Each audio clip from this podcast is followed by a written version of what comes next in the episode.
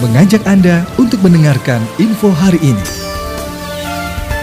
Kapolres Metro Bekasi apresiasi dua remaja yang viral balap lari di Stadion Wibawa Mukti, Cikarang Timur Polres Metro Bekasi mengapresiasi dua remaja yang melakukan kegiatan positif balap lari di sekitar Stadion Wibawa Mukti Desa Sertajaya Kecamatan Cikarang Timur pada Rabu, tanggal 6 April tahun 2022, Kapolres Metro Bekasi, Kombes Pol Gideon Arif Setiawan mengatakan, aksi dua remaja bernama Reza dan Fajar yang sempat viral di dunia maya itu patut diapresiasi karena menolak kegiatan negatif seperti balap liar.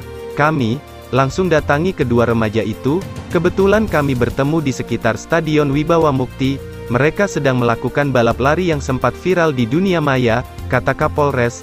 Kapolres menjelaskan, bahwa inisiatif dua remaja itu sangat bagus dan positif, mereka memilih balap lari daripada balap liar atau trek-trekan, saya menyampaikan dukungan atas kegiatan yang positif di tengah bulan suci Ramadan ini, terangnya, Kapolres mengatakan, akan terus mendukung kegiatan positif para remaja yang akan mendukung masa depan mereka. Kapolres juga mengimbau kepada para remaja di Kabupaten Bekasi untuk tetap disiplin menerapkan protokol kesehatan dalam aktivitas sehari-hari agar terhindar dari COVID-19 bagi yang belum divaksin.